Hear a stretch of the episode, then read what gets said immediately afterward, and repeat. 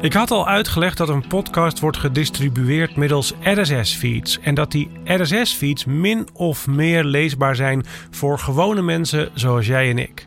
Luister anders nog even naar aflevering 56. Maar dat betekent nog niet dat wij kleine foutjes die erin zitten er erg gemakkelijk uit kunnen halen.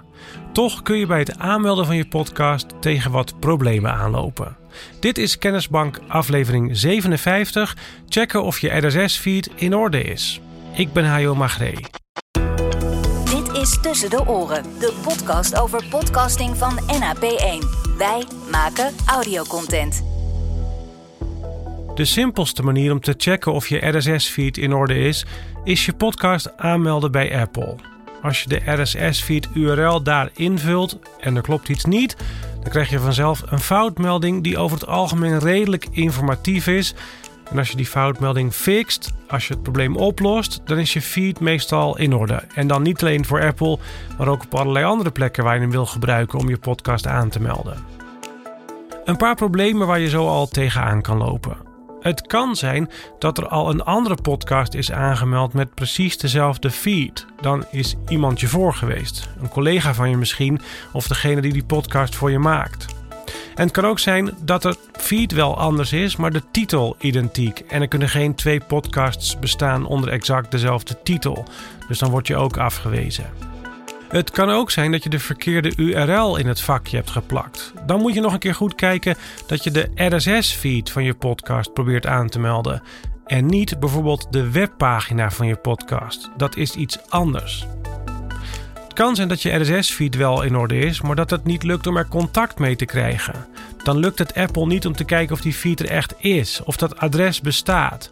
Dan heeft misschien je podcast hosting provider technische problemen op het moment. Probleem kan er ook zijn dat je RSS-feed wel benaderbaar is, maar dat er geen afleveringen in staan.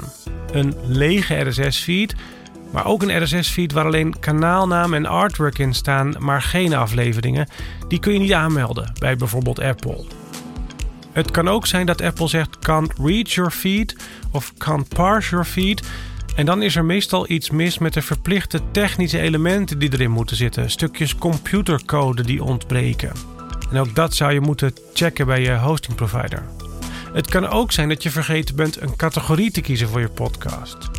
Je feed wordt ook niet geaccepteerd als je bent vergeten een omschrijving in te vullen of als je bent vergeten de taal te specificeren.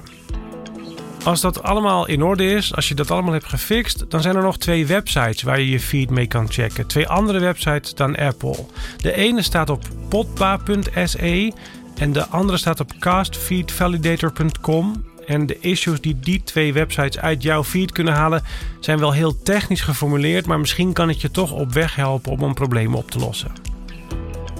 En dan nog een kleine andere tip. Als je podcast eenmaal netjes is opgepikt door Apple Podcasts of door Spotify, dan kan het slim zijn om na een tijdje nog even te kijken bij podnews.net. Podnews.net. En daar je podcast even op te zoeken. Dit is de website van James Critland en dat is een soort van podcast. En op zijn website krijg je nog wel eens nuttige tips over waar jij jouw specifieke podcast nog kunt aanmelden. En je kunt er ook een paar handige tools krijgen om naar je podcast te linken. Dat was het. Je kunt de informatie uit deze aflevering ook terugvinden in de podcast Kennisbank op onze website. Dit was Tussen de Oren van NAP1. Wij maken audiocontent. NAP1.nl